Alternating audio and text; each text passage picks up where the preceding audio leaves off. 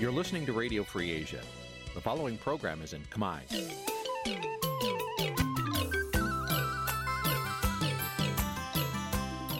Nǐ ជាកម្មវិធីផ្សាយ Vuthu Azizi Serai នេះជាកម្មវិធីផ្សាយរបស់ Vuthu Azizi Serai ជាភាសាខ្មែរ Vuthu Azizi Serai សូមស្វាគមន៍លោកអ្នកនាងទាំងអស់ពីរដ្ឋធានី Washington នៃសហរដ្ឋអាមេរិក។ពីរដ្ឋធានី Washington នាងខ្ញុំសុជីវីសូមជម្រាបសួរ លោកនាងកញ្ញាអ្នកស្ដាប់វិទ្យុអាស៊ីសេរីទាំងអស់ជាទីមេត្រីយើងខ្ញុំសូមជូនកម្មវិធីផ្សាយសម្រាប់ព្រឹកថ្ងៃអង្គារ11កើតខែមិញឆ្នាំថោះបัญចស័កពុទ្ធសករាជ2567ចាប់ដែលត្រូវនៅថ្ងៃទី20ខែកុម្ភៈគ្រិស្តសករាជ2024ជាដំបូងនេះសូមអញ្ជើញលោកអ្នកនាងស្ដាប់ព័ត៌មានប្រចាំថ្ងៃដែលមានមេត្តាដូចតទៅ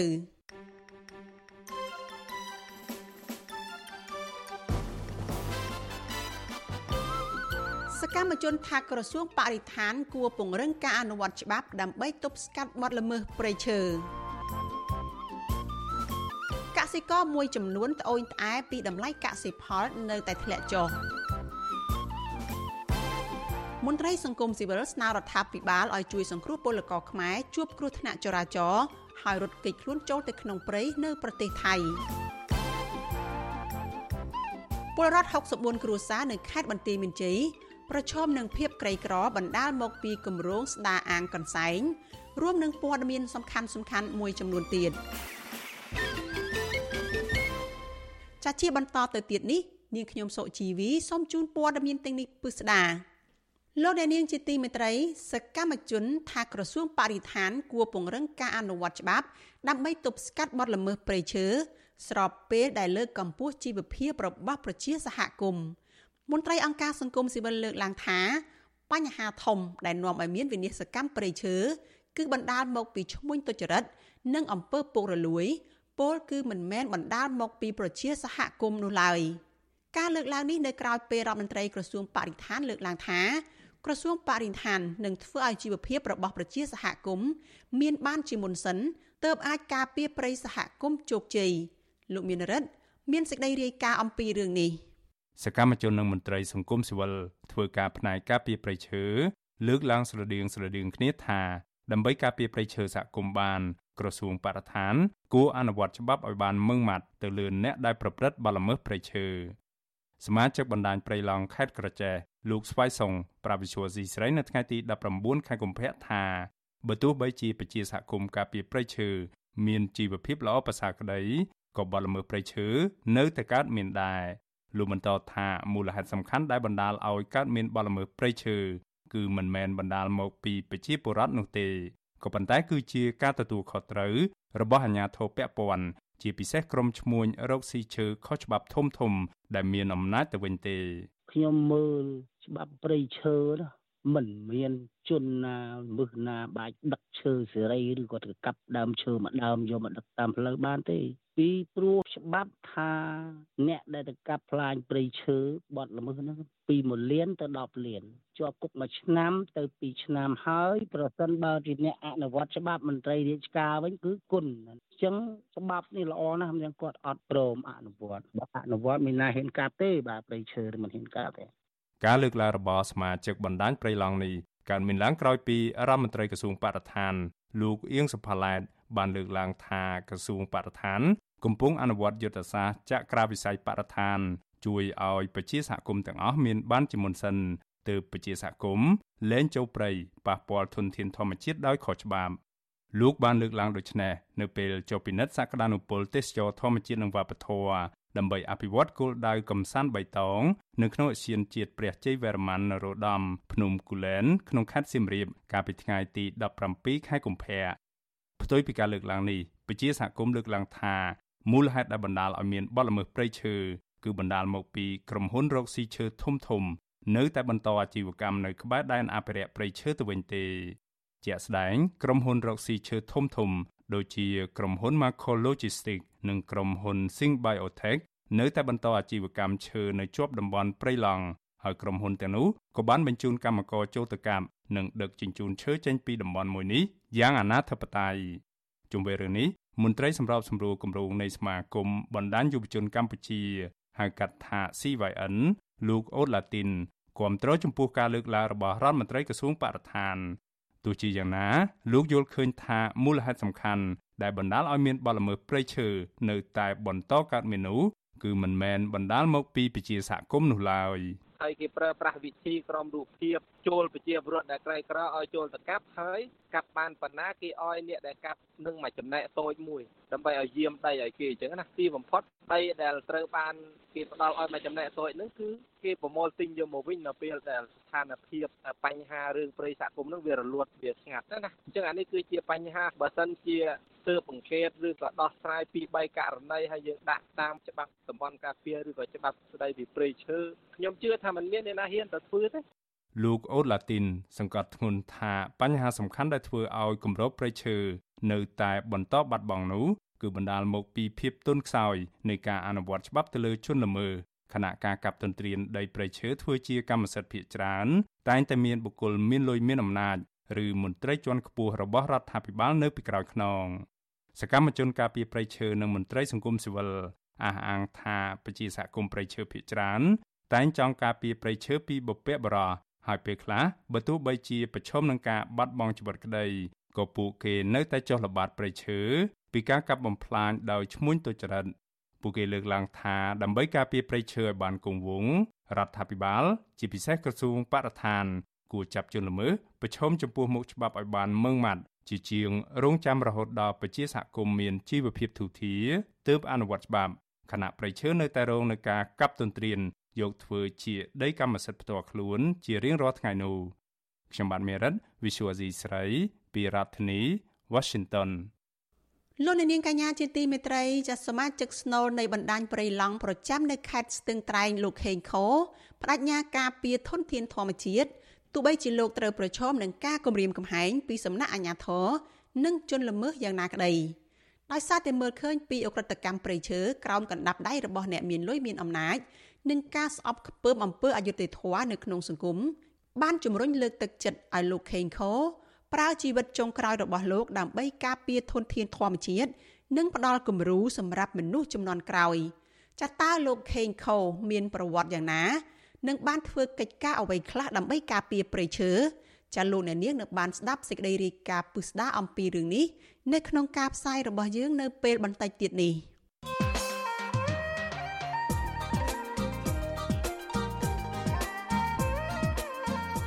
លោកអ្នកនាងកញ្ញាជាទីមេត្រី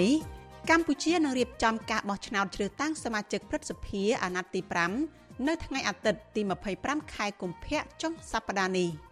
ឪនាយករដ្ឋមន្ត្រីបច្ចុប្បន្នគឺលោកហ៊ុនសែននឹងវិលមកច្បាមអំណាចបន្ថែមទៀតតាមរយៈការគ្រប់គ្រងក្បាលម៉ាស៊ីនស្ថាប័នព្រឹទ្ធសភាដែលជាស្ថាប័នកម្ពុជាផ្នែកនីតិបញ្ញត្តិរបស់ជាតិបន្ថែមលើមុខងារគ្រប់គ្រងស្ថាប័នព្រះមហាក្សត្រការនេះធ្វើឲ្យកម្ពុជាคล้ายទៅជាប្រទេសតែមួយគត់នៅក្នុងពិភពលោកដែលមានកូនកូននិងឪពុកមកពីត្រកូលតែមួយគ្រប់គ្រងស្ថាប័នកម្ពុជាកម្ពុជារបស់ជាតិដែលអាចប៉ះពាល់ធ្ងន់ធ្ងរដល់តុល្យភាពអំណាច និងការប្រើប្រាស់អំណាចខុសច្បាប់ដោយគ្មានប្រព័ន្ធត្រួតពិនិត្យឯករាជ្យតើស្ថាប័ននីតិបញ្ញត្តិរបស់ជាតិទាំងមូលនឹងរងនៅផលវិបាកយ៉ាងណាខ្លះនៅពេលដែលឪនាយករដ្ឋមន្ត្រីគឺលោកហ៊ុនសែនមកដឹកនាំស្ថាប័នព្រឹទ្ធសភាបែបនេះនេះគឺជាប្រធានបទដែលយើងនឹងលើកមកពិភាក្សានៅក្នុងនីតិវេទិកានៃស្ដាប់វិទ្យុអាស៊ីសេរីនៅយប់ថ្ងៃអង្គារទី20ខែកុម្ភៈនេះចាក់កិច្ចពិភាក្សានេះសម្របសម្រួលដោយលោកជុនច័ន្ទបុត លោកអ្នកនាងកញ្ញាអាចបញ្ចេញមតិយោបល់ឬសួរសំណួរបានចាដោយដាក់លេខទូរស័ព្ទរបស់លោកអ្នកនាងនៅក្នុងខ្ទង់ comment នៃការផ្សាយផ្ទាល់របស់ Vithu Azizi Saray នៅលើបណ្ដាញសង្គម Facebook YouTube និង Telegram ចាស់ក្រុមការងាររបស់យើងនឹងហៅទៅលោកអ្នកនាងវិញ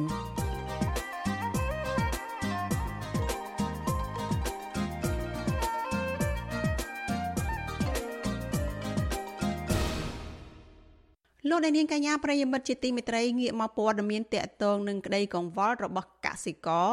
តកតងនឹងកសិផលបន្តធ្លាក់ថ្លៃវិញម្ដងប្រជាកសិករនិងអ្នកជំនាញកសិកម្មត្អូញត្អែថាតម្លៃកសិផលក្នុងស្រុកនៅតែគ្មានទីផ្សារហើយបន្តធ្លាក់ថ្លៃនាំឲ្យប៉ះពាល់ដល់លទ្ធភាពនៃការបង្កើនផល និងជីវភាពពួកគាត់កាន់តែខ្លាំងកសិករលើកឡើងថាប្រសិនបើបញ្ហានេះនៅតែបន្ត ពួកគេអាចនឹងបោះបង់មុខរបរមួយនេះនិងធ្វើចំណាក់ស្រុកជាក់ជាមិនខានសូមស្ដាប់សេចក្តីរាយការណ៍របស់លោកនៅវណ្ណរិនអំពីរឿងនេះនៅតាមចំការនឹងកសិដ្ឋានដាំបន្លែរបស់ប្រជាពលរដ្ឋមួយចំនួន គេសង្កេតឃើញស្ពៃត្រសក់ត្រឡាច នៅសេសសល់ពេញចំការបើទោះជាដល់ពេលប្រមូលផល នៅចំរដូវដែលសម្បូរកម្មវិធីបុណ្យទាន និងកម្មវិធីរៀបការក៏ដោយកសិករលើកឡើងថារដូវកាលកម្មវិធីនេះ មិនមែនជាពេលដែលធ្វើឲ្យពួកគាត់អាចលក់ផលិតផលបានច្រើន និងមានតម្លៃនោះទេក៏ប៉ុន្តែជាឱកាសមាសរបស់ឈ្មួញអ្នកនាំចូលសាច់បង្កកបន្លែនិងផ្លែឈើពីក្រៅស្រុកសម្រាប់ផ្គត់ផ្គង់កម្មវិធីទាំងនោះទៅវិញទេកសិករនៅក្នុងស្រុកសំឡូតខេត្តបាត់ដំបង លោកពុនរបាំងថ្លែងថានៅរដូវនេះ លោកដាំដំណាំចម្រុះដូចជាដំណាំមើមខ្ទឹមស្ពៃនិងត្រសក់ ក៏ប៉ុន្តែគ្មានមុខណាមួយអាចលក់បានតម្លៃសមរម្យនោះឡើយលោកលើកឡើងទៀតថាបញ្ហានេះបណ្ដាលមកពីរដ្ឋាភិបាល បណ្ដោយឲ្យឈ្មួញនាំចូលបន្លែផ្លែឈើគ្រប់ប្រភេទពីក្រៅប្រទេសវាយលុកចូលមកលើសតម្រូវការដែលធ្វើឲ្យកសិផលក្នុងស្រុកចាល់នឹងធ្លាក់ចុះថោកខ្លាំងសូមឲ្យជនជាតិខ្មែរនេះហៅថាផ្ដល់ជាតិនិយមហ្មងបើអីវ៉ាន់ខ្មែរធ្លាក់តម្លៃស្មើនឹងអីវ៉ាន់បរទេសអញ្ចឹងសូមឲ្យគាត់ជ្រើសរើសអីវ៉ាន់ខ្មែរ ហើយមួយទៀតសូមរដ្ឋាភិបាលនៅពេលដែលអីវ៉ាន់ធ្លាក់មើលទៅអីវ៉ាន់អ្នកយិកាគាត់ធ្លាក់ដល់តម្លៃ1000អញ្ចឹងគឺគាត់ផ្អាកការនាំចូលទៅពីព្រោះតម្លៃ1000អ្នកចកាអត់សូវចំណេញទេធ្ងន់ធ្ងរជាងនេះទៅទៀតកសិករមួយចំនួនបានជួបបញ្ហាជន់លើទុកដោយសារតែកសិផលលក់បានថោកហើយថែមទាំងគ្មានទីផ្សារទៅទៀត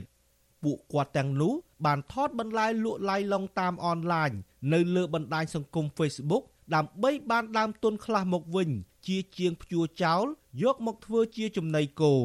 ករណីនេះកើតមានឡើងលើកសិករដាំស្ពៃក្រញាញ់នៅស្រុកត្រាំកក់ខេត្តតាកែវលោកជឿនទឹកជាលោកប្រាប់វិទ្យុអាស៊ីសេរីថាតម្លៃស្ពៃក្រញាញ់បច្ចុប្បន្នធ្លាក់ចុះនៅសល់ត្រឹមតែ700រៀលតែប៉ុណ្ណោះក្នុង1គីឡូក្រាម ដែលតម្លៃនេះធ្វើឲ្យលោកខាតចុងខាតដើម លោកបន្តថាតម្លៃស្ពៃក្រញាញ់ ចុះថោកប៉ុណ្ណឹងហើយក៏ប៉ុន្តែគ្មានទីផ្សារលក់ចេញទៀតដែលធ្វើឲ្យលោកប្រឈមនឹងបញ្ហាពីរក្នុងពេលតែមួយលោកបញ្ជាក់ថាកត្តានេះបណ្ដាលមកពីឈ្មួញកណ្ដាលនិងអ្នកបរិភោគឲ្យតម្លៃរបស់នាំចូល ជាជាងផលិតផលក្នុងស្រុក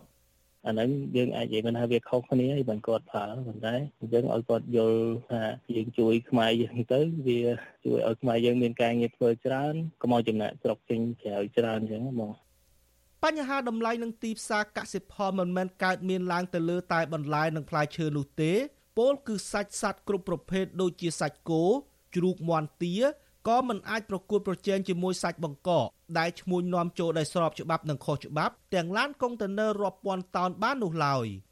ប្រធានសហគមន៍បណ្ដាញអ្នកចិញ្ចឹមសត្វលោកជួបវិបុលសង្កេតឃើញថាតាំងពីថ្ងៃចូលឆ្នាំចិន នៅដើមខែកុម្ភៈមក ការបញ្ជាទិញពីកសិករក្នុងស្រុកហាក់នៅនឹងថ្កល់ដដែលទោះបីជាការនោះមានតម្រូវការសាច់ជ្រូកច្រើនក៏ដោយ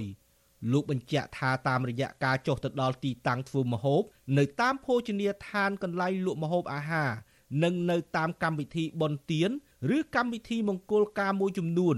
លោកសង្កេតឃើញថាអ្នកគ្រប់គ្រងផ្នែកចុងភៅម្ហូបអាហារសុទ្ធសឹងតែប្រើប្រាស់សាច់បង្កកនាំចូលដែលមានតម្លៃថោក ដើម្បីប្រើប្រាស់ក្នុងកម្មវិធីដើម្បីអាចទប់ស្កាត់បទល្មើសបានមនុស្សស្រាណាតែអ្នកកាន់អំណាចអនុវត្តនៅទូនាទីឲ្យត្រឹមត្រូវទី1ទី2តកតងជាមួយនឹងការបំបត្តិអំពើពុករលួយរបស់មន្ត្រីនឹងគឺជារឿងសំខាន់ទី3ត្រូវផ្សព្វផ្សាយអំពីផលប៉ះពាល់សុខភាពបើគាត់អាចធ្វើ3នឹងបានចរន្តនៃការថយចុះនៃការនាំចូលគឺវាថយប៉ុន្តែដោយឡែកដូចមកដល់សប្តាហ៍ថ្ងៃនេះការនាំចូលហើយនឹងបញ្ហាប្រឈមទាំង3ហ្នឹងគឺមិនទាន់ឃើញមានវិធានការនៅឡើយទេ វិទ្យុអាស៊ីសេរីមិនអាចតាក់ទងអគ្គនាយកនៃអគ្គនាយកដ្ឋានកិច្ចការប្រកួតប្រជែងនិងបង្ក្រាបការក្លែងបន្លំហៅកាត់ថាកបបលោកផានអូន និងអ្នកនាំពាក្យក្រសួងកសិកម្មកញ្ញាអឹមរចនាដើម្បីសុំការបកស្រាយជុំវិញបញ្ហានេះបាននៅឡើយទេ នៅថ្ងៃទី19ខែកុម្ភៈកាលពីថ្ងៃទី11ខែមករាកន្លងទៅ ក្រសួងកសិកម្មនិងពាណិជ្ជកម្មបានសម្រេចឲ្យផ្អាកនាំចូលគ្រឿងក្នុង និងបំណែកសាច់បង្កកចំនួន8មុខជាបណ្ដោះអាសន្នក្នុងរយៈពេល6ខែដោយសារការស្តុកទុក និងបង្កកមិនអនុលោមទៅតាមបទដ្ឋានអនាម័យទន្ទឹមនឹងនេះដែរលោកនាយករដ្ឋមន្ត្រីហ៊ុនម៉ាណែត នៅក្នុងពិធីបូកសរុបការងារក្រសួងកសិកម្មរុក្ខាប្រមាញ់និងនេសាទកាលពីថ្ងៃទី30មករាក៏បានជំរុញឲ្យមន្ត្រីពាក់ព័ន្ធរៀបចំប្រព័ន្ធបង្កកគ្រឿងក្នុងសាច់សត្វក្នុងពេលដែលកម្ពុជាហាមឃាត់ការនាំចូលគ្រឿងក្នុង និងបំណែកមួយចំនួនរបស់សត្វផងដែរក្រុមប្រឹក្សាភិបាលរបស់អង្គការសាមគ្គីភាពកសិករកម្ពុជា លោកឌីគុន្ធាយល់ឃើញថាមូលហេតុដែលធ្វើឲ្យតម្លៃកសិផលក្នុងស្រុកបាត់បង់តម្លៃ និងលំនឹងនៅលើទីផ្សារគឺបណ្ដាលមកពីកត្តាអ្នកផលិតឈ្មួញកណ្ដាលអ្នកបរិភោគនិងការនាំចូលជាដើម។លោកជំរុញឲ្យកសិករគួរសិក្សាពីតម្រូវការទីផ្សារនិងតម្លៃឲ្យបានច្បាស់លាស់មុននឹងដាំដំណាំអ្វីមួយ ចំណែកអ្នកបរិភោគគួរងាកមកគ្រប់គ្រងផលិតផលក្នុងស្រុកដែលមានស្រាប់ជាជាងទិញរបស់នាំចូល ដែលស្មើនឹងការជួយដល់កសិករប្រទេសដទៃដោយមិនដឹងខ្លួន ឋានៈដឹកនាំរាជរដ្ឋាភិបាលកម្ពុជាក៏ត្រូវតែធ្វើការទប់ស្កាត់នៅការហូរចូលនៅផលិតផលបន្លែផ្លែឈើអាហារកែច្នៃសាច់បកកនិងភេសជ្ជៈដែលមានសារធាតុគីមី ដែលអាចធ្វើឲ្យប៉ះពាល់សុខភាពប្រជាពលរដ្ឋនៅក្នុងប្រទេសក៏ដូចជាការធ្វើឲ្យប៉ះពាល់ទៅដល់ឆ្នាំងបាយរបស់ប្រជាកសិករខ្មែរទូតាច់រាប់លានគ្រួសារនៅក្នុងប្រទេសផងដែរបាទ របាយការណ៍របស់ក្រសួងកសិកម្មឲ្យដឹងថាកម្ពុជាមានតម្រូវការបន្លែក្នុងស្រុកប្រចាំឆ្នាំប្រមាណ1លានតោនខណៈការផលិតផ្គត់ផ្គង់សម្រាប់ក្នុងស្រុកបានត្រឹមតែ75ម៉ឺនតោនតែប៉ុណ្ណោះក្រសួងបានជំរុញឲ្យប្រជាពលរដ្ឋដាំដុះបន្ថែមទៀតដើម្បីផ្គត់ផ្គង់តម្រូវការរបស់ប្រជាពលរដ្ឋនិងកាត់បន្ថយការនាំចូល ដោយឡែកចំពោះផលិតផលសត្វក្នុងស្រុកកម្ពុជាក៏បានផ្គត់ផ្គង់សាច់ប្រមាណជាង300,000តោនស្មើនឹង98%នៃតម្រូវការសរុបហើយសាច់ដែលខ្វះខាតត្រូវនាំចូលពីបរទេសក៏ប៉ុន្តែកសិករលើកឡើងថាបរិមាណបន្លែផ្លែឈើនិងត្រីសាច់ដែលនាំចូលពីក្រៅប្រទេសអាចមានចំនួនច្រើនលើសជាងនេះទៀតហើយទំនងជាក្រសួងកសិកម្មមិនបានរាប់បញ្ចូលការនាំចូលខុសច្បាប់ឡើយ កសិករនិងអ្នកជំនាញកសិកម្មជំរុញឲ្យរដ្ឋាភិបាលបង្កើតគោលនយោបាយដើម្បីពង្រីកផលិតផលកសិកម្មឲ្យបានគ្រប់តាមតម្រូវការក្នុងស្រុកជៀសវាងការបើកឲ្យផលិតផលពីក្រៅប្រទេសវាយលុកទីផ្សារក្នុងស្រុកពួកគាត់ក៏ស្នើឲ្យប្រជាពលរដ្ឋដែលជាអ្នកបរិភោគងាកមកទិញបន្លែ ផ្លែឈើត្រីសាច់ក្នុងស្រុក ដើម្បីជួយដល់កសិករខ្មែរនិងជួយដល់សេដ្ឋកិច្ចជាតិខ្ញុំបាទនៅវណ្ណរិន With Chu Azizi Saray ពីរដ្ឋធានី Washington លោកអ្នកនាងជាទីមេត្រីសេចក្តីរាយការណ៍ពីប្រទេសថៃឯណោះឲ្យដឹងថាមន្ត្រីអង្គការសង្គមស៊ីវិលដែលកំពុងធ្វើការនៅក្នុងប្រទេសនេះស្នើដល់រដ្ឋាភិបាលឲ្យជួយសង្គ្រោះពលរដ្ឋខ្មែរដែលធ្វើចំណាក់ស្រុកខុសច្បាប់ចូលទៅក្នុងទឹកដីថៃហើយបានជួបគ្រោះថ្នាក់ចរាចរណ៍តាមផ្លូវបន្ទាប់មកបានរត់គេចខ្លួនចូលទៅក្នុងព្រៃទាំងមានរបួស ការលើកឡើងនេះក្រោយពីកាសែតថៃចុះផ្សាយកាលពីថ្ងៃទី18ខែកុម្ភៈថាពលករខ្មែរនិងកុមារមួយចំនួន បានរងរបួសនៅក្នុងគ្រោះថ្នាក់ចរាចរណ៍នៅក្នុងខេត្តច័ន្ទបុរីនិងបានរត់ចូលទៅក្នុងព្រៃដោយសារតែខ្លាចអាជ្ញាធរថៃឃាត់ខ្លួនពីបទឆ្លងដែនខុសច្បាប់មន្ត្រីផ្នែកការពារសិទ្ធិពលករចំណាក់ស្រុកនៃអង្គការសង្ត្រាល់ប្រចាំនៅប្រទេសថៃលោកលឹងសុផុនប្រាវិទ្យុអាស៊ីសេរី នៅថ្ងៃទី19ខែកុម្ភៈថា លោកបានទទួលដំណឹងពីគ្រោះថ្នាក់ចរាចរណ៍នៅខេត្តច័ន្ទបុរីប្រទេសថៃ ដែលបណ្ដាលឲ្យពលកររួមទាំងកូនកូនរបស់គាត់របួសហើយពួកគាត់បានរត់ចូលព្រៃដោយសារតែភ័យខ្លាចអាជ្ញាធរថៃចាប់ខ្លួនលោកបន្តថាលោកកំពុងតាក់ទងទៅបណ្ដាញនៅខេត្តច័ន្ទបុរីដើម្បីរកព័ត៌មានបន្ថែមពីជនរងគ្រោះទាំងនោះ។បើទោះជាយ៉ាងណាលោកស្នើដល់រដ្ឋាភិបាលឲ្យតាក់ទងទៅអាជ្ញាធរថៃ ដើម្បីជួយសង្គ្រោះពលរដ្ឋនិងកូនកូនរបស់ពួកគាត់។រឿង ល្អដល់ពួកគាត់គួរណាតាខាងស្ថាប័នពាក់ព័ន្ធជាពិសេសខាងស្ថាប័នស្ថានទូតមានខាងអនុព័ន្ធខាងនេះហើយគួរណាតាជួយតាមដានរឿងហ្នឹងដើម្បីជួយពួកគាត់តាមវិធានការណាមួយដែលឲ្យពួកគាត់ហ្នឹងបានរួចផុតពីគ្រោះថ្នាក់អញ្ចឹងហើយនឹងដោះស្រាយឲ្យតាមច្បាប់តាមអីទៅដើម្បីឲ្យពួកគាត់បានរួចផុតអំពីការជាប់គុកឬក៏ឲ្យបានគាត់ត្រឡប់ទៅស្រុកវិញអញ្ចឹងទៅហើយមួយទៀតពេលខ្លះពួកគាត់គ្រោះថ្នាក់អញ្ចឹងហើយមានអ្នកណាទៅជួយដោះស្រាយអញ្ចឹងមិនដឹងថាបញ្ជូនគាត់ទៅខាងណាខាងណាយើងអត់ដឹងឲ្យច្បាស់លាស់អញ្ចឹងក៏វាជារឿងពិបាកដែរ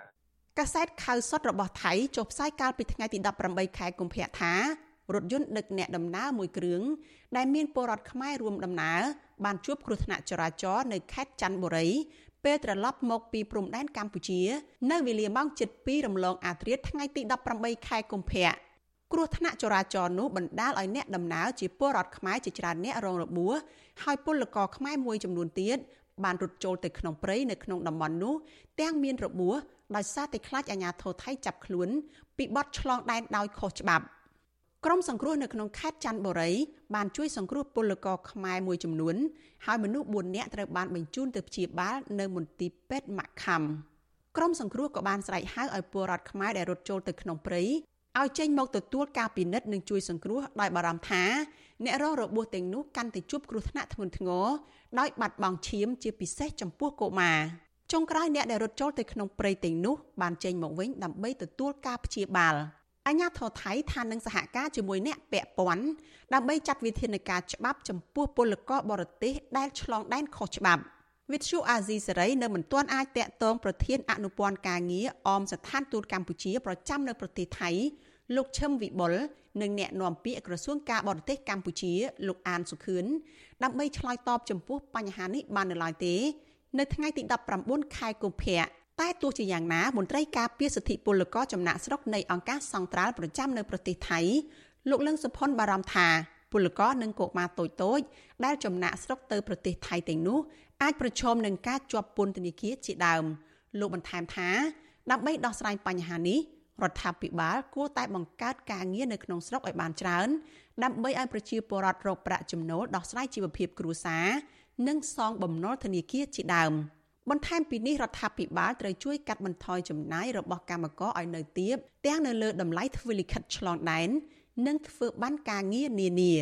លោកថាប្រសិនបើរដ្ឋាភិបាលនៅតែមិនដោះស្រាយបញ្ហាទាំងនេះទេនោះប្រជាពលរដ្ឋនឹងធ្វើចំណាក់ស្រុកខុសច្បាប់ និងរងគ្រោះកាន់តែច្រើន លោកអ្នកនាងប្រិយមិត្តអ្នកស្ដាប់ជាទីមេត្រីលោកអ្នកកំពុងស្ដាប់វិទ្យុអាស៊ីសេរីផ្សាយចេញពីរដ្ឋធានី Washington សហរដ្ឋអាមេរិកនៅឯខេត្តបន្ទាយមានជ័យឯណោះពលរដ្ឋចំនួន68គ្រួសារដែលរងគ្រោះពីគម្រោងស្ដារអាងកន្សែងនៅក្នុងខេត្តបន្ទាយមានជ័យនេះកំពុងប្រឈមនឹងភាពក្រីក្រក្រោយពីការអនុវត្តគម្រោងនេះគ្មានសំណងចំពោះផលប៉ះពាល់ដីស្រែរបស់ពួកគាត់ជាង100ហិកតា មន្ត្រីអង្គការសង្គមស៊ីវិលលើកឡើងថាដើម្បីដោះស្រាយបញ្ហានេះអាជ្ញាធរគួរតែផ្ដល់សំណងឲ្យបានសមរម្យដើម្បីឲ្យពលរដ្ឋមានលទ្ធភាពអាចរកទិញដីស្រែនៅកន្លែងថ្មីសម្រាប់បង្កបង្កើនផលចិញ្ចឹមជីវិតចាសសូមអញ្ជើញលោកអ្នកនាងរងចាំស្ដាប់សេចក្តីរាយការណ៍ពឹស្ដារអំពីរឿងនេះនៅក្នុងការផ្សាយរបស់យើងនៅពេលបន្តិចទៀតនេះ។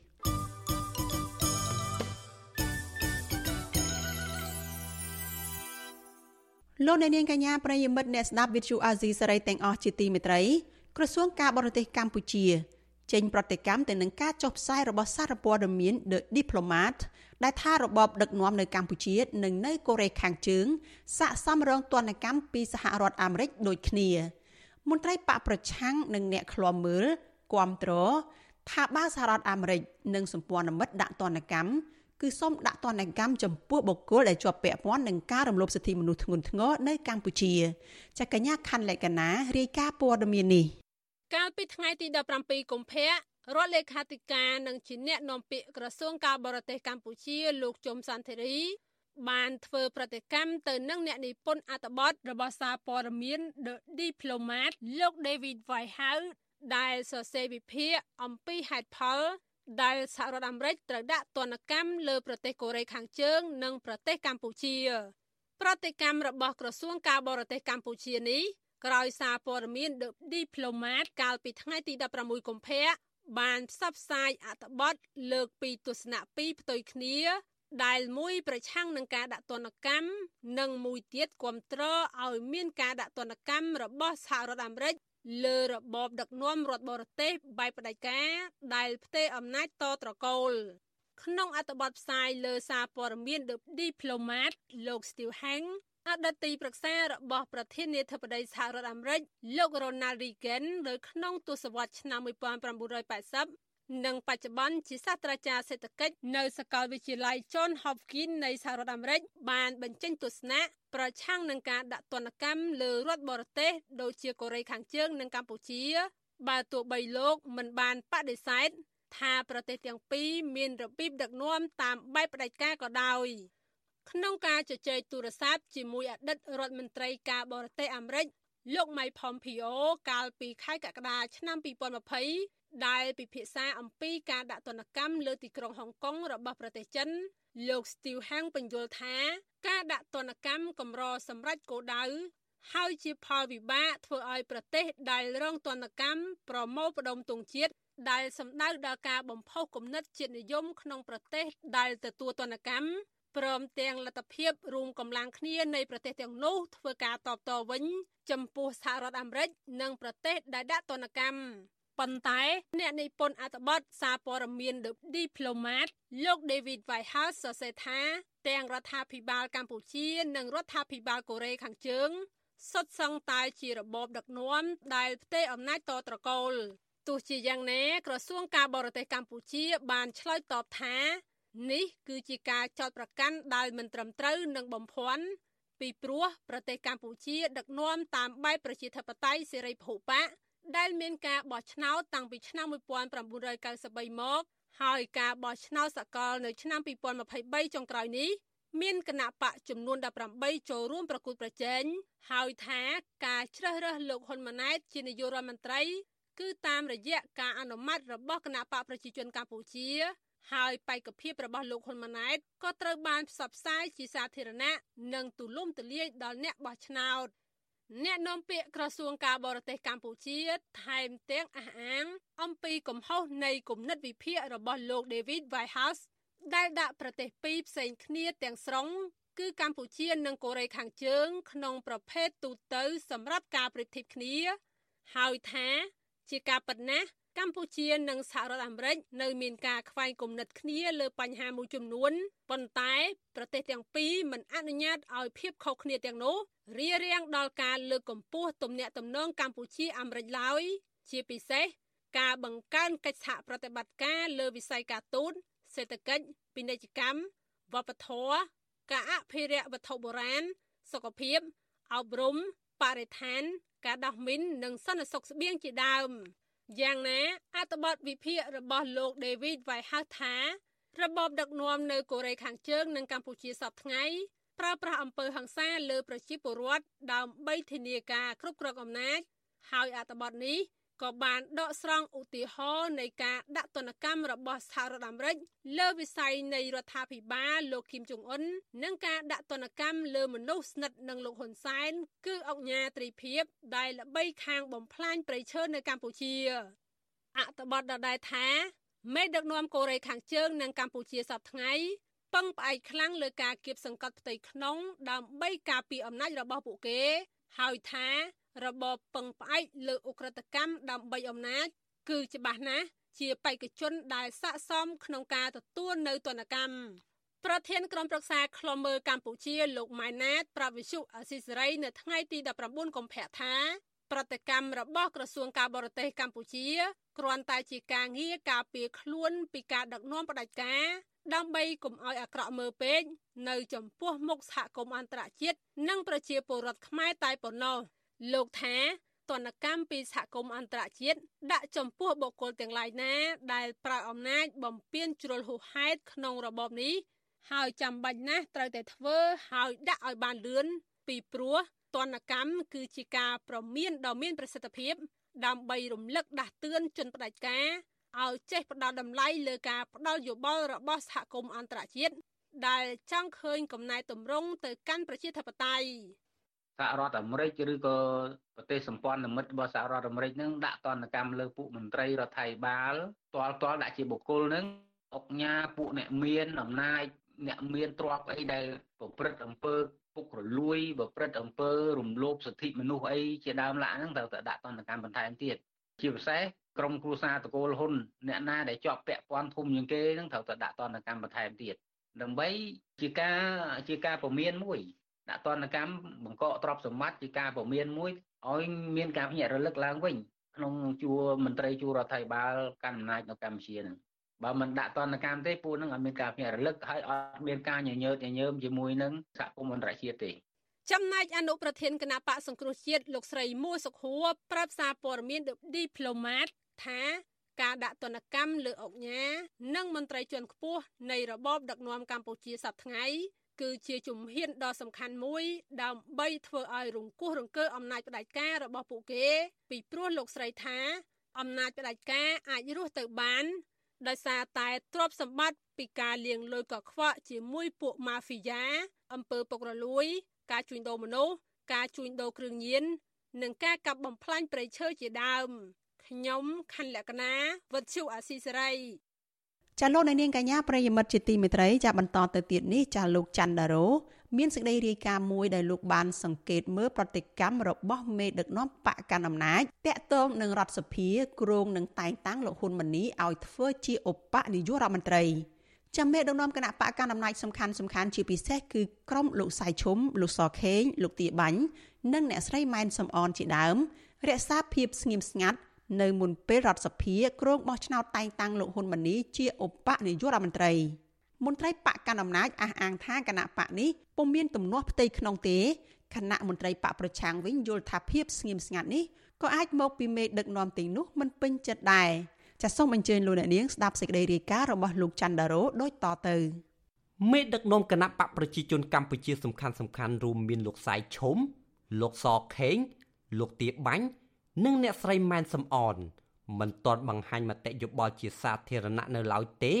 ជុំវិញផែនការលើកបន្ទុកលោកហ៊ុនម៉ាណីឲ្យឡើងធ្វើជាឧបនាយករដ្ឋមន្ត្រីបន្ទាប់ពីបងប្រុសគឺលោកហ៊ុនម៉ាណែតកំពុងកាន់កាប់តំណែងជានាយករដ្ឋមន្ត្រីស្រាប់កាលពីពេលថ្មីថ្មីនេះលោកហ៊ុនម៉ាណែតបានស្នើតែងតាំងប្អូនប្រុសបង្កើតគឺលោកហ៊ុនម៉ាណីធ្វើជាឧបនាយករដ្ឋមន្ត្រីនិងស្នើតែងតាំងទេសរដ្ឋមន្ត្រីទទួលបន្ទុកបេសកកម្មពីររូបបន្ថែមទៀត គឺលោកស្រីធម្មរងនិងលោកប៉ែនវិបុលបើសិនគ្មានការប្រែប្រួលអ្វីនោះរដ្ឋសភាដែលគ្រប់គ្រងដោយគណៈបកកណ្ដាលអំណាចនឹងបើកកិច្ចប្រជុំវិសាមញ្ញដើម្បីបោះឆ្នោតផ្ដល់សេចក្តីទុកចិត្តលើសមាជិកពួកគេ នៅថ្ងៃទី21ខែកុម្ភៈអ្នកនាំពាក្យគណៈបកប្រជាជនកម្ពុជាលោកសុកអេសានប្រវត្តិជអាស៊ីសេរីថា ការដែលមេដឹកនាំបក មិនបានចេញសារណាមួយតាក់ទងការដំឡើងតំណែងលោកហ៊ុនម៉ាណីធ្វើជាឧបនាយករដ្ឋមន្ត្រី មិនមែនមានន័យថាបកនេះកំពុងមានចំនួនផ្ទៃក្នុងនោះទេ លោកអះអាងថាការជ្រើសរើសលោកហ៊ុនម៉ាណីឲ្យធ្វើជាឧបនាយករដ្ឋមន្ត្រីកន្លងមកគឺផ្អែកលើស្នាដៃនិងសមត្ថភាពហើយការសម្រេចជារួមដោយគណៈកម្មាធិការអចិន្ត្រៃយ៍គណៈបកចំនួន57រូប ដែលក្នុងនោះក៏មានថ្នាក់ដឹកនាំ4រូបគឺលោកសៃឈុំលោកសខេងលោកទាបាញ់និងអ្នកស្រីម៉ែនសំអនជាអ្នកសម្រេចផងដែរគឺថាតែងតាំងមន្ត្រីឬអិសរាជជននៅក្នុងត្រកូលទេវតាគោលគណៈបកប្រជាជនកម្ពុជាបាទដូច្នេះអត់គិតថានេះនៅនេះកូននៅនេះនៅនេះកូននៅនោះហើយអត់ទេអត់យកអានឹងមកនិយាយទេនិយាយពីលក្ខណៈសម្បត្តិបុគ្គលដែលត្រូវតែងតាំងនេះថាតើមានលក្ខណៈសម្បត្តិគ្រប់គ្រាន់ឲ្យវាស្របតាមសំណុំពរត្រូវការរបស់ប្រទេសជាតិដែរឬទេអានឹងបានគេធ្វើសម្រាប់តែងតាំងអ្នកក្រោយក៏នៅមានគុណសម្បត្តិដែរក៏ប៉ុន្តែគេយកអ្នកដែលគេហៅថា ជនឆ្លើមជាងគេសិន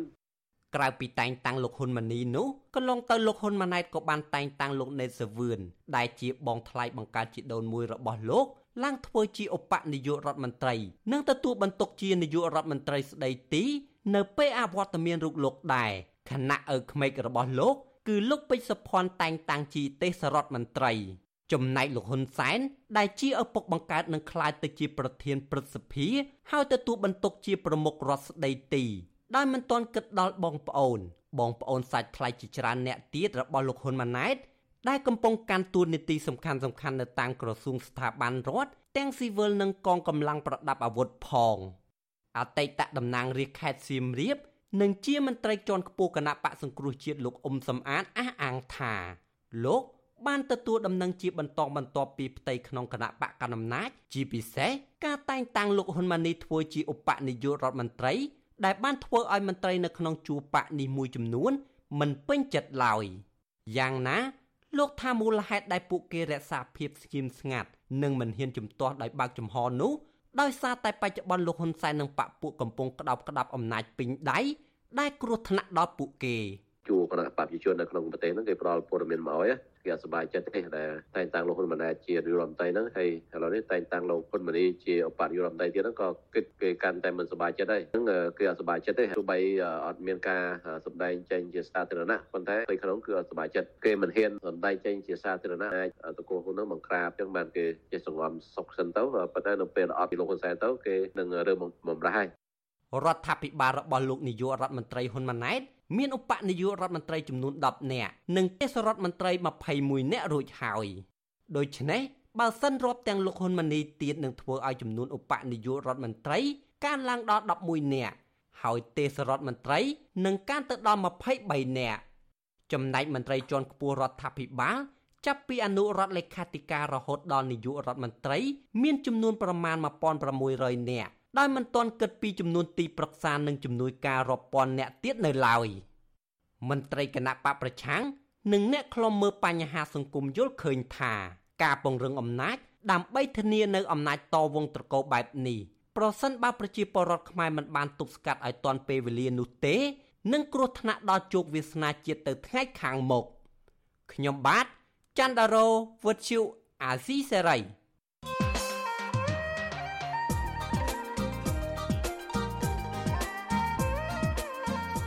លោកអ្នកនាងកញ្ញាជាទីមេត្រីកម្ពុជានឹងរៀបចំការបោះឆ្នោតជ្រើសតាំងសមាជិកព្រឹទ្ធសភាអាណត្តិទី5នៅថ្ងៃអាទិត្យទី25ខែកុម្ភៈចុងសប្តាហ៍នេះឪនាយករដ្ឋមន្ត្រីបច្ចុប្បន្នគឺលោកហ៊ុនសែននឹងវិលមកច្បាមអំណាចបន្ថែមទៀតតាមរយៈការគ្រប់គ្រងក្បាលម៉ាស៊ីនស្ថាប័នព្រឹទ្ធសភាដែលជាស្ថាប័នកម្ពុជាផ្នែកនីតិបញ្ញត្តិរបស់ជាតិបន្ថែមលើមុខងារគ្រប់គ្រងស្ថាប័នព្រះមហាក្សត្រ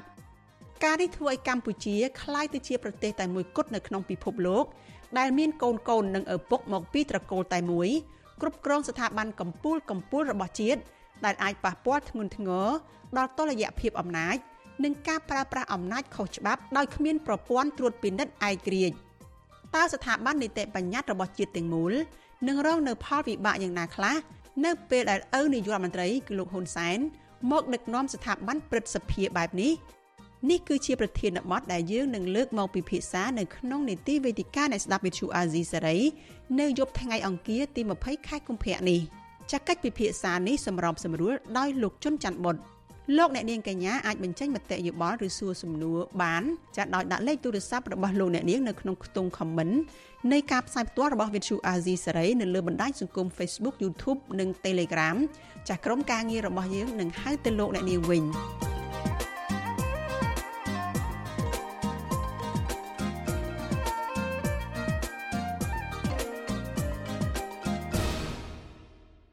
លោកអ្នកនាងកញ្ញាជាទីមេត្រីព័ត៌មានដាច់ដោយឡែកមួយទៀតស្នងការដ្ឋាននគរបាលរាជធានីភ្នំពេញបន្តច្រានចោលចំពោះការលើកឡើងរបស់ស្ថានទូតរុស្ស៊ីពីអសន្តិសុខនៅភ្នំពេញនិងបានអះអាងពីបទល្មើសចោរកម្មថាបានធ្លាក់ចុះនៅក្នុងរយៈពេលប្រមាណខែចុងក្រោយនេះទោះយ៉ាងណាមន្ត្រីអង្គការសង្គមស៊ីវិលស្នើឲ្យអាជ្ញាធរពង្រឹងការអនុវត្តច្បាប់បន្ថែមទៀតដើម្បីកសាងទំនុកចិត្តប្រជាពលរដ្ឋនិងជនបរទេសចាលោកហុំចម្រើន រាយការណ៍អំពីរឿងនេះស្នងការដ្ឋាននគរបាលរាជធានីភ្នំពេញបានចេញសេចក្តីថ្លែងការណ៍កាលពីថ្ងៃទី17ខែកុម្ភៈដោយបានច្រានចោលចំពោះការលើកឡើងរបស់ស្ថានទូតសហព័ន្ធរុស្ស៊ីប្រចាំកម្ពុជាពាក់ព័ន្ធបញ្ហាសន្តិសុខនៅក្នុងរាជធានីភ្នំពេញ ជាពិសេសនៅតាមដងផ្លូវមហាវិថីព្រះស៊ីសុវត្ថិ សេចក្តីថ្លែងការណ៍អះអាងថាស្ថានភាពសន្តិសុខនិងរបៀបរៀបរយក្នុងរាជធានីភ្នំពេញគឺមានភាពល្អប្រសើរមិនដូចអ្វីដែលស្ថានទូតសហព័ន្ធរុស្ស៊ីលើកឡើងនោះទេស្នងការដ្ឋាននគរបាលរាជធានីភ្នំពេញបញ្ជាក់ថាមន្ត្រីនគរបាលតែងតែយកចិត្តទុកដាក់ធានាសន្តិសុខដល់ប្រជាពលរដ្ឋនិងភ្ញៀវជាតិអន្តរជាតិដែលកំពុងរស់នៅ និងមកលេងកម្សាន្តក្នុងរាជធានីភ្នំពេញគ្រប់ពេលវេលា ប្រពន្ធដដែលបន្ថែមថា គ្រប់បទល្មើសដែលបានកើតឡើងត្រូវបានមន្ត្រីនគរបាលរាជធានីភ្នំពេញចាត់វិធានការដោះស្រាយនិងបង្ក្រាបមុខសញ្ញាជនល្មើសមកផ្ដន់ទោសតាមនីតិវិធីច្បាប់ការលើកឡើងរបស់ស្នងការនគរបាលរាជធានីភ្នំពេញក្រោយពីស្ថានទូតសហព័ន្ធរុស្ស៊ីប្រចាំនៅកម្ពុជា បានលើកឡើងនៅលើ Facebook កាលពីថ្ងៃទី14ខែកុម្ភៈថាក្នុងរយៈពេលប្រមាណខែចុងក្រោយនេះមានការកើតឡើងអំពើចោរកម្មច្រើនករណីនៅរាជធានីភ្នំពេញ ជាពិសេសនៅតាមដងផ្លូវព្រះស៊ីសវ័តនិងតំបន់ក្បែរៗនោះចំពោះបញ្ហានេះស្ថានទូតសហព័ន្ធរុស្ស៊ីអំពាវនាវដល់ពលរដ្ឋខ្លួនឲ្យមានការប្រុងប្រយ័ត្ននិងមិនគួរយកឯកសារសំខាន់សំខាន់ឬរបស់មានតម្លៃតាមខ្លួននៅពេលធ្វើដំណើរនោះទេអ្នកនាំពាក្យស្នងការដ្ឋាននគរបាលរាជធានីភ្នំពេញលោកសំវិជ្ជការប្រាប់វិទ្យុអាស៊ីសេរីនៅថ្ងៃទី19កុម្ភៈថា លោកនៅតែអះអាងថាមន្ត្រីនគរបាលបានអនុវត្តវិធានការតឹងរឹងនិងបង្ក្រាបរាល់បទល្មើសដែលបានកើតឡើង ដែលនាំឲ្យបទល្មើសមានការថយចុះក្នុងរយៈពេលប្រមាណខែចុងក្រោយនេះទោះជាយ៉ាងណាលោកសំវិជ្ជការថាស្នងការដ្ឋាននគរបាលរាជធានីភ្នំពេញនៅមិនទាន់បូកសរុបបទល្មើសនានាដែលកើតឡើងទៅលើជនបរទេសក្នុងឆ្នាំ2023នៅឡើយទេ ខ្ញុំនៅខាងសង្កាត់ឋានគរបាលភ្នំពេញមិនទាន់បានធ្វើពិធីបូកសរុបកិច្ចការងារសន្តិសុខឡើយទេណាចាំឆ្នាំប៉ុន្តែគាត់អាចជម្រាបជូនថាករណីពាក់ព័ន្ធនឹងបញ្ហាបញ្ហាសន្តិសុខនេះគឺជាពិសេសបញ្ហាព័ន្ធបលល្មើសព្រហ្មទណ្ឌនេះគឺយើងបានធ្វើការបង្ការទប់ស្កាត់ហើយនឹងបង្ក្រាបតនពេលវេលាទីច្រើនគឺថាបលល្មើសទីច្រើនយើងបានបង្ក្រាបបានឲ្យតែមានការកើតឡើងបលល្មើសប៉ុន្តែអ្វីដែលជាការចាក់ស្ដែងនេះគឺបលល្មើសមានការថយចុះវិទ្យុអាស៊ីសេរីមិនអាចតាក់ទងអ្នកនាំពាក្យស្ថានទូតសហព័ន្ធរុស្ស៊ីប្រចាំនៅកម្ពុជាលោក Rafael Angareu បានទេនៅថ្ងៃទី19ខែកុម្ភៈជុំវិញរឿងនេះប្រធានមជ្ឈមណ្ឌលប្រជាពលរដ្ឋដើម្បីអភិវឌ្ឍនិងសន្តិភាពលោកយ៉ងកំឯងក៏សម្គាល់ឃើញថាបញ្ហាសន្តិសុខនិងអំពើចោរកម្មនៅរាជធានីភ្នំពេញនៅតែបន្តកើតមាន លោកយ៉ងកំឯងបន្តថាអាជ្ញាធរគួរព្យាយាមបន្ថែមទៀតដើម្បីលុបបំបាត់បញ្ហានេះដើម្បីឲ្យភ្ញៀវទេសចរបរទេសមានទំនុកចិត្ត ចឹងការកត់សម្គាល់របស់ស្ថានទូតនោះក៏គេមានអំណះអំណាងរបស់គេមួយចំនួនដែរបាទគេគិតថាការយើងបដិសេធក៏បដិសេធប៉ុន្តែយើងក៏ត្រូវទទួលស្គាល់ការពិតដើម្បីកែលម្អហើយធ្វើយ៉ាងណាឲ្យស្ថានភាពនោះវាប្រសើរបាទកុំឲ្យមានការឆក់អីទៀតបាទមន្ត្រីសង្គមស៊ីវិលនិងប្រជាពលរដ្ឋនៅតែបន្តលើកឡើងពីក្តីបារម្ភថា បញ្ហាចរកម្មនិងអសន្តិសុខនៅតែកើតមាននៅរាជធានីភ្នំពេញនិងបណ្ដាខេត្តនានាហើយករណីខ្លះទៀតជនល្មើសបានធ្វើសកម្មភាពឆក់និងប្លន់ដែលបង្កឲ្យមានរបួសទៅលើពលរដ្ឋនិងជនបរទេសជាច្រើនករណី ជាក់ស្ដែងកាលពីថ្ងៃទី10ខែកុម្ភៈមានករណីលួចកាបូបរបស់ជនជាតិឆែកនៅសួនច្បារមាត់ទន្លេផ្លូវព្រះស៊ីសុវត្ថិប៉ុន្តែក្រោយមកអាជ្ញាធរបានចាប់ខ្លួនជនល្មើសនិងបានប្រគល់សម្ភារៈទៅឲ្យជនបរទេសវិញខ្ញុំបាទហុំចម្រើនវិទ្យុអាស៊ីសេរីពីរដ្ឋធានី Washington លោកអ្នកនាងជាទីមេត្រីពលរដ្ឋចំនួន64គ្រួសារដែលរងគ្រោះពីគម្រោងស្ដារអាងកន្សែងនៅឯខេត្តបន្ទាយមានជ័យកំពុងប្រឈមនឹងភាពក្រីក្រ ក្រោយពីការអនុវត្តគម្រោងនេះគ្មានសំណងចំពោះផលប៉ះពាល់ទៅលើដីស្រែរបស់ពួកគាត់ជាង100ហិកតាមន្ត្រីអង្គការសង្គមស៊ីវិលលើកឡើងថាដើម្បីដោះស្រាយបញ្ហានេះអាជ្ញាធរគួរតែផ្ដល់សំណងឲ្យបានសមរម្យដើម្បីឲ្យពលរដ្ឋមានលទ្ធភាពអាចរកទិញដីស្រែនៅកន្លែងថ្មីសម្រាប់បង្កបង្កើនផលចិញ្ចឹមជីវិតចាលោកនៅវណ្ណរិនរាយការណ៍ព័ត៌មាននេះ ប្រជាពលរដ្ឋដែលរងផលប៉ះពាល់ពីគម្រោងស្ដារអាងកន្សែង នៅឃុំសឹងស្រុកអូជ្រៅខេត្តបន្ទាយមានជ័យកំពុងស្ថិតនៅក្នុងភាពក្រីក្រក្រោយពីគម្រោងអភិវឌ្ឍន៍នេះមិនបានផ្ដល់សំណងទាល់តែសោះដល់ម្ចាស់ដីតំណាងពលរដ្ឋ64គ្រួសារនៅក្នុងឃុំសឹងលោកសឿងហឿនប្រាប់វិទ្យុអាស៊ីសេរីនៅថ្ងៃទី17កុម្ភៈថា ដីស្រែជាគេសល់ពីដូនតារបស់លោក ប្រមាណ2ហិកតា តាំងពីមុនសម័យប៉ុលពត រហូតមកដល់សម័យសន្តិភាពលោកបន្តថាកូនចៅរបស់លោក បានចំណាក់ស្រុកទៅធ្វើការនៅប្រទេសថៃព្រមទាំងបន្សល់ទុកនៅកូនតូចតូចនៅជាមួយយាយតានៅឯស្រុក ដើម្បីស្វែងរកលុយដោះស្រាយជីវភាពគ្រួសារនិងសងបំណុលធនាគាររីឯលោកក្នុងវ័យក្បែរ70ឆ្នាំវិញ បានដើរស៊ីឈ្នួលជាកម្មករសំណង់ដើម្បីរកប្រាក់ទិញម្ហូបអាហារនិងសងបំណុលធនាគារ អាយុចិត្តចិត្តហើយវាស្គាល់រសជាតិអស់ហើយមិនដល់ស្មៃនេះវាកំបត់ក្បាលទៅទៀតដែលវាអស់អស់នេះខ្ញុំមានអីរកអីទៀតអាខ្លួនគិតតែចាស់អាកូនចៅហូគ្នារត់តក្រវាមិននឹងធ្វើរកអីទេសម្ងាយកូនចៅធ្វើតកម្មករគេទេបានឆ្នាំហើយនេះអាគេធ្វើសាកអីធ្វើសាមានខ្សែធ្វើគេ លោកសឿងហ៊ឿននិយាយទាំងទឹកភ្នែកនៅពេលរំលឹកដល់អនុស្សាវរីយ៍នៅក្នុងគ្រាកំសត់កំរដោយសារដីស្រែដែលអ្នកមានគុណរបស់លោកបន្សល់ទុកនេះគឺជាប្រភពតែមួយគត់សម្រាប់ផ្ដល់ជាស្បៀងអាហារហូបចុកនិងប្រភពចំណូលដល់គ្រួសាររបស់លោក តែត្រូវបានបាត់បង់ដោយទទេទទេទៅវិញ ខ្ញុំស្អីក៏ចង់បានដែរឲ្យតែគេដោះដូរឲ្យខ្លះអូនឲ្យតែបានមិនគិតថាវេពីនេះទៅបានវេនេះបានអស់ពីរទៅទិញបានមួយក៏សក់ចិត្តដែរឲ្យតែគេឲ្យខ្លះណាឲ្យគិតថាអាចទៅទិញដែរផ្សេងផ្សេងបាននេះអស់ពី3ហិតាទៅបានហិតាហិតាកន្លះឲ្យទៅបានថាពេញទេក៏បានខ្លះគ្នាមានអីអ្នកស្រែវាពឹងតែនឹងស្រែដល់អស់ស្រែមានធ្វើអីពឹងមានតែ កម្មករគេតែរហូតនឹងឯងតកូនតចៅមានថាតែតែខ្ញុំទេជីវិតនេះវាដល់កូនតចៅតទៅទៀតវាអស់នៃហើយប្រជាពលរដ្ឋឲ្យដឹងថាពលរដ្ឋវ័យកណ្ដាលនៅមានកម្លាំងភៀកច្រើន បាននាំកូនចៅចំណាក់ស្រុក ទៅរកការងារធ្វើនៅប្រទេសថៃក្រោយពីពួកគាត់បានបាត់បង់ដីស្រែចម្ការ ចំណែកឯកូនកូនរបស់ពួកគេ ដែលមានអាយុចាប់ពី13ឆ្នាំឡើងទៅត្រូវបាត់បង់ការសិក្សា ដើម្បីទៅធ្វើការជាមួយឪពុកម្ដាយនៅឯប្រទេសថៃពលរដ្ឋថាពួកគេ មានការឈឺចាប់នៅពេលឃើញគ្រឿងចាក់ឈូសឆាយដីស្រែដែលជាមរតករបស់ពួកគាត់ពលរដ្ឋរងគ្រោះនៅឃុំសឹងម្នាក់ទៀតគឺលោកលុនធំប្រាប់វិទ្យុអាស៊ីសេរីថាដីរបស់លោកជាង7ហិកតា ស្ថិតនៅចម្ងាយ2គីឡូម៉ែត្រពីអាងកន្សែង លោកថាកាលពីថ្ងៃទី29ខែមករាកន្លងទៅ លោកបានបង្ខំចិត្តផ្តិតមេដៃលើកិច្ចសន្យាជាមួយក្រុមការងារអន្តរក្រសួង ដើម្បីទទួលប្រាក់សំណងសរុបចំនួន37,000ដុល្លារអាមេរិកទោះជាយ៉ាងនេះក្តី លោកថាការផ្ដល់សំណងនេះមិនបានសមរម្យនិងមិនអាចឲ្យលោកយកទៅទិញដីនៅកន្លែងផ្សេងជំនួសវិញបានទេ ហើយថែមទាំងធ្វើឲ្យគ្រួសារទាំងមូលប្រឈមនឹងភាពក្រីក្រតជំនាន់។ បើសិនជាដូចជាស្រោតថ្លៃយ៉ាងឆ្នាំនេះគឺខ្ញុំរស់យ៉ាងស្រួលទោះបីជាខ្ញុំជំពាក់គេក៏ខ្ញុំអាចសងគេបានហើយម្យ៉ាងទៀតពិតមែនតែខ្ញុំក្រប៉ុន្តែក្រមានប្រែធ្វើតែទៅមុខទៀតពិតមែនតែទទួលសំណងនេះទៅទិញដីមិនបានអនាគតលុយក៏អស់អាដីក៏អស់អញ្ចឹងហើយគ្រួសារខ្ញុំខ្ញុំមើលទៅខាងមុខដូចវាមិនបានរស់ស្រួលដូចសពថ្ងៃដែលខ្ញុំមានស្រែចម្ការណាលោកគ្រូហើយអនុស្សាវរីយ៍ស្រែចម្ការធម្មតារស់នៅកន្លែងនេះតចំនួនមកហើយបើខ្ញុំវិញរស់តាំងពីស្មារតីពោតមកហើយគ្រប់ផ្លងយ៉ាងណាក៏មិនដែលរត់ចូលដីនេះទេពីត្រឹមនោះតនេះឯងហើយដល់មកសម័យសន្តិភាពហើយបែរជាបែរជាយកអស់ហើយគឺថាអោយសំណងអោយសំណងសំណងតែ5កាសប្រជាពលរដ្ឋមួយចំនួនថាអាញាធរនឹងក្រុមហ៊ុនដែលចោះអនុវត្តគម្រោងគម្រាមចាត់វិធានការច្បាប់និងឲ្យពួកគេធ្វើកិច្ចសន្យាបញ្ចប់ការតវ៉ារារាំងគម្រោងស្ដារអាងកន្សែងនេះ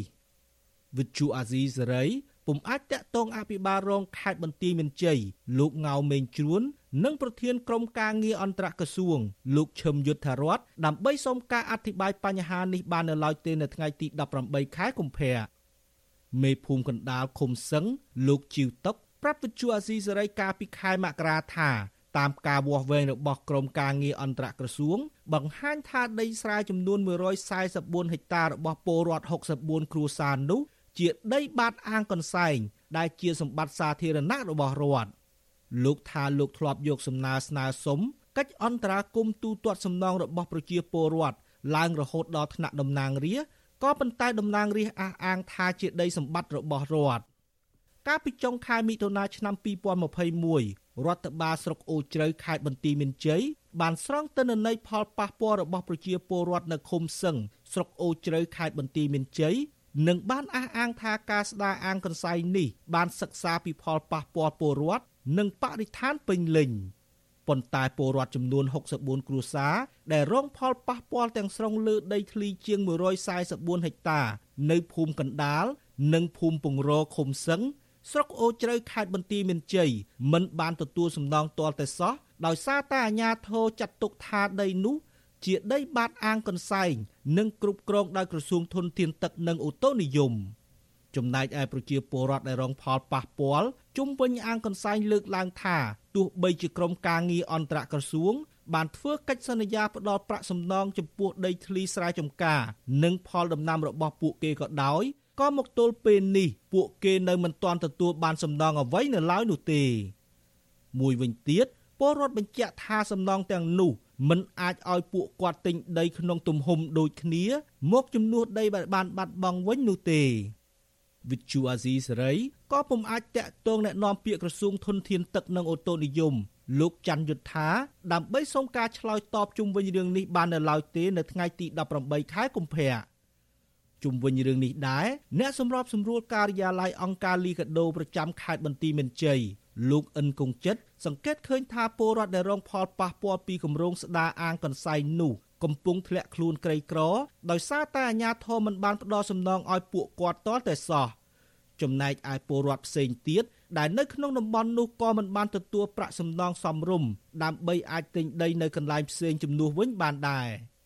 ក្នុងនាមសង្គមស៊ីវិលយើងស្នើសុំទៅរាជរដ្ឋាភិបាល ជាពិសេសអន្តរក្រសួងគួរតែមានការផ្ដល់សំណងដល់ពួកគាត់ដោយដោយសមរម្យហើយបើមិនផ្ដល់សំណងគួររួដីកសិកម្មនៅកន្លែងណាដើម្បី ប៉ះពើនិងជាធ្នូដោះដូរដល់ពួកគាត់ព្រោះអាយុជីវិតពួកគាត់នឹងពឹងអាស្រ័យលើផ្ទៃដីស្រែរបស់ពួកគាត់នឹងឯងហើយមកដល់ពេលនេះគឺគាត់អត់មានស្រែធ្វើគាត់បានបាត់បង់ផ្ទៃដីកសិកម្មទាំងស្រុងកាលពីចុងខែមករាឆ្នាំ2023កន្លងទៅប្រជាពលរដ្ឋ60គ្រួសារនៅក្នុងភូមិកណ្ដាលនិងភូមិបង្រឃុំសឹងស្រុកអូជ្រៅខេត្តបន្ទាយមានជ័យ បានធ្លាប់ស្នើសុំកិច្ចអន្តរាគមន៍ពីតំណាងរាស្ត្រមណ្ឌលបន្ទាយមានជ័យដើម្បីសុំទូទាត់សំណងផលប៉ះពាល់គម្រោងស្ដារអាងកន្សែងលើផ្ទៃដីជាង144ហិកតាក៏ប៉ុន្តែมันមានដំណោះស្រាយអ្វីនោះទេគម្រោងស្ដារនិងពង្រីកអាងកន្សែងនេះគឺធ្វើឲ្យធំជាងអាងចាស់នៅក្នុងសម័យខ្មែរក្រហមចំនួន2ដង ដែលអាងចាស់មានទទឹង1គីឡូម៉ែត្រកន្លះនិងបណ្ដោយជិត2គីឡូម៉ែត្រ ទោះជាយ៉ាងណាក្តីពលរដ្ឋនិងមន្ត្រីអង្គការសង្គមស៊ីវិលស្នើសុំរដ្ឋាភិបាលឲ្យពិនិត្យឡើងវិញចំពោះផលប៉ះពាល់ដល់ប្រជាពលរដ្ឋដែលបណ្ដាលមកពីគម្រោងស្ដារអាងកន្សែងហើយស្នើសុំផ្ដល់សំណងឲ្យពួកគាត់ឲ្យបានសមរម្យឬដោះដូរដីនៅតំបន់ណាមួយជំនួសមកវិញខ្ញុំបាទនៅវណ្ណរិន with Chu Azizi Saray ពីរដ្ឋធានី Washington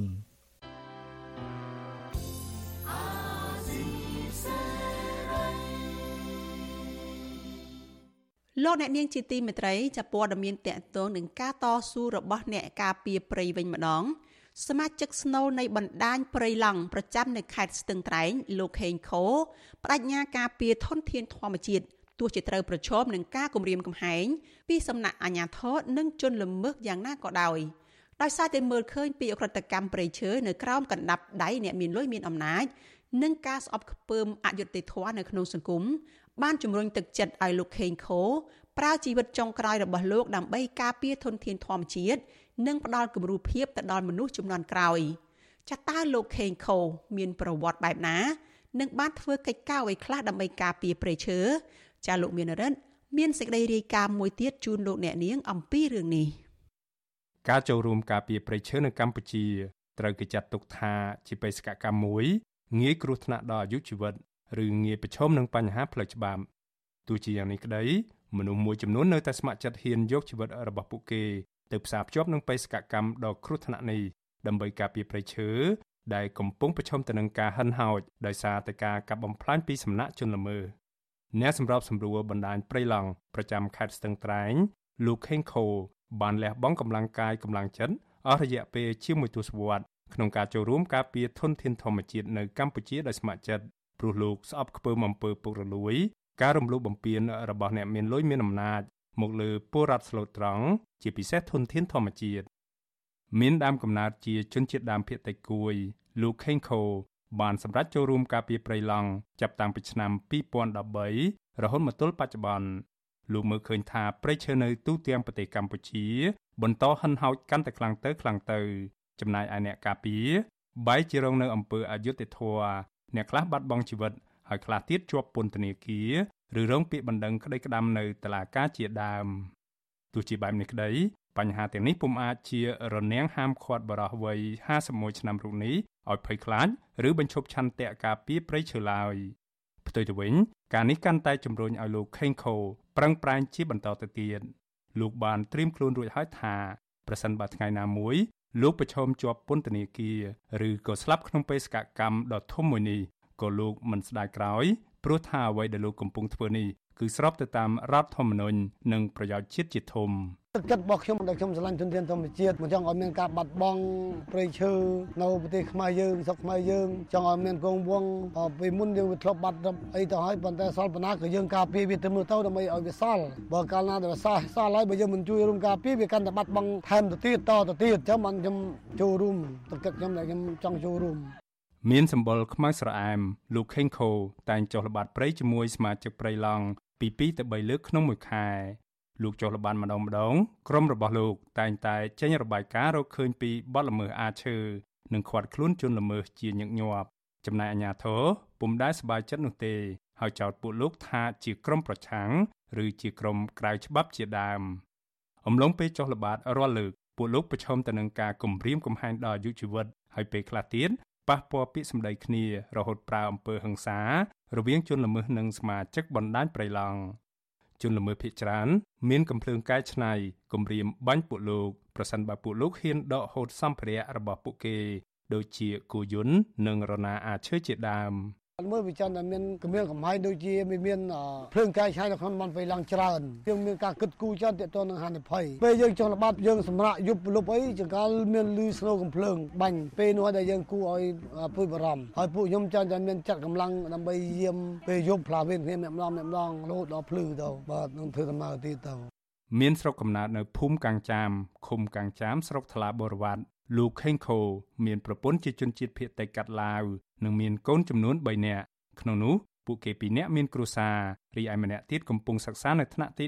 12ចំណែកឪពុកនិងម្ដាយរបស់លោកបានស្លាប់កាលពីឆ្នាំ2008និងឆ្នាំ2023ដោយជំងឺចាស់ជរាក្រៅពីកិច្ចការការពារព្រៃឈើលោកខេងខូមានដីស្រែចម្ការតិចតួចសម្រាប់ដាំដំណាំដំឡូងស្វាយចន្ទី និងចិញ្ចឹមគោលក់ដើម្បីដោះស្រាយជីវភាពប្រពន្ធលោកខេងខូគឺលោកស្រីលៀងឡុងលើកឡើងថា ពេលខ្លះលោកស្រីបារម្ភពីសុវត្ថិភាពប្តីនៅពេលចុះល្បាតព្រៃម្ដងម្ដងហើយតែងតែអន់ចិត្តនៅពេលឮអ្នកដតីប្រមាថមើងងាយដោយប្រយោលមកលើប្តីលោកស្រី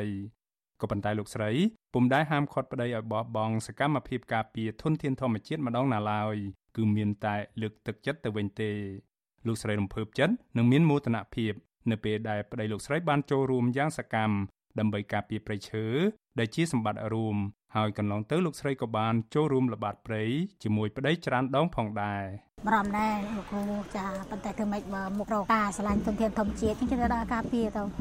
ចាចេះស្ម័គ្រចិត្តធ្វើទៅតែមិនថាគាត់មិនថាខ្ញុំខ្ញុំក៏ឆ្លាញ់ទុនធានធម្មជាតិដូចគ្នាខ្ញុំក៏ចង់ដល់ដូចគ្នាចាប៉ុន្តែអារម្មណ៍អារម្មណ៍ជាតែអារម្មណ៍ទេទោះរៀនសូត្របានត្រឹមថ្នាក់ទី7ក្តីលោកខេងខូអាចអានអក្សរនិងសរសេរអក្សរខ្មែរបានយ៉ាងល្អ លោកមានចរិតស្លូតបូតចូលចិត្តនិយាយបែបកំ pl ែងជារៀងរាល់ឆ្នាំមានយុវជនមកពីរាជធានីភ្នំពេញនិងបណ្ដាខេត្តផ្សេងផ្សេងចុះកម្មសិក្សាស្នាក់នៅក្នុងផ្ទះរបស់លោកហើយពួកគេចូលចិត្តស្ដាប់លោកចែករំលែកចំណេះដឹងនិងបទពិសោធន៍នៅពេលនិយាយភាកច្រើនលោកតែងតែលើកយកមេត្រាច្បាប់ដោយសារតែលោកមានចំណេះដឹងសមល្មមពាក់ព័ន្ធនឹងសិទ្ធិពលរដ្ឋនិងច្បាប់ការពារធនធានធម្មជាតិ ទាក់ទងនឹងរឿងនេះមន្ត្រីសម្របសម្រួលនៃសមាគមបណ្ដាញយុវជនកម្ពុជាហៅកាត់ថា CYN លោកអូតឡាទីនដែលតែងតែធ្វើការងារនឹងចុះល្បាតព្រៃជាមួយលោកខេងខូប្រាប់វិសុវស៊ីស្រីថាលោកខេងខូគឺជាមនុស្សដែលពូកែដឹកនាំសមាជិកក្រុមប្រចាំខេត្តស្ទឹងត្រែងហើយមានបទពិសោធន៍ច្រើនជាក់ស្ដែងនៅរយៈពេល3ទៅ4ឆ្នាំចុងក្រោយនេះលោកបានចូលរួមដាក់ពាក្យបណ្ដឹងប្រឆាំងនឹងបទល្មើសអាឈើនិងការកាប់ទន្ទ្រានដីព្រៃខុសច្បាប់ជាញឹកញាប់ ដែលធ្វើឲ្យអាជ្ញាធរមូលដ្ឋានហាក់ខ្លាចរអាហើយមន្ត្រីទាំងនោះពុំសូវហ៊ានប្រព្រឹត្តអំពើពុករលួយជាមួយជនល្មើសដោយលើកមុនមុនទៀតនោះទេ ចាត់ទុកថាគាត់គឺជាធនធានមនុស្សកម្រិតសហគមន៍មួយដែលដែលមិនងាយរកបានទេមិនត្រឹមតែជាបង្គោលជាចំហនៅក្នុងការបណ្ដោះបណ្ដាលយុវជននិងសមាជិកបណ្ដាញទេគាត់ក៏ជាមនុស្សដែលមានភាពក្លាហានហើយទទួលបានការបណ្ដោះបណ្ដាលរហូតបានគាត់ខ្លាយទៅជាមនុស្សម្នាក់ដែលមានភាពក្លាហានពេញលេញចេះ វែកញែកអំពីរឿងច្បាប់រឿងសិទ្ធិនៅក្នុងការរស់រានរបស់ពួកគាត់ណាណាជាពិសេសសិទ្ធិនៅក្នុងការចូលរួមទៀមទារយុទ្ធធัวឲ្យធនធានធម្មជាតិទៀមទារយុទ្ធធัวឲ្យពីឡងណាសម្រាប់លោកខេងខូលោកមានក្តីស្រមៃចង់ឃើញកម្ពុជា បញ្ឈប់ការអាឈើនិងការកាប់ទន្ទ្រានដីព្រៃអភិរក្សនៅទូទាំងប្រទេស លោកស្នើឲ្យអាជ្ញាធរពាក់ព័ន្ធបើកលំហសិទ្ធិសេរីភាពដល់សមាជិកបណ្ដាញការពារព្រៃឡង់ទាំង4ខេត្តរួមមានខេត្តព្រះវិហារ កំពង់ធំ ក្រចេះ និងខេត្តស្ទឹងត្រែងព្រមទាំងអនុញ្ញាតឲ្យមន្ត្រីសង្គមស៊ីវិលនិងក្រមយុវជនអាចចុះល្បាតព្រៃការពារព្រៃឈើដោយសេរីឡើងវិញលោកថាការចូលរួមការពារព្រៃឈើនិងធនធានធម្មជាតិពីភាគីពាក់ព័ន្ធពិតជាចូលរួមចំណែកយ៉ាងសំខាន់ក្នុងការទប់ស្កាត់បទល្មើសអាឈើ ការកាប់ទន្ទ្រានដីព្រៃនិងបទល្មើសបរបាញ់សត្វខុសច្បាប់ប្រកបដោយប្រសិទ្ធភាពខ្ញុំបានមេរិត Visual Asia ស្រីពីរដ្ឋធានី Washington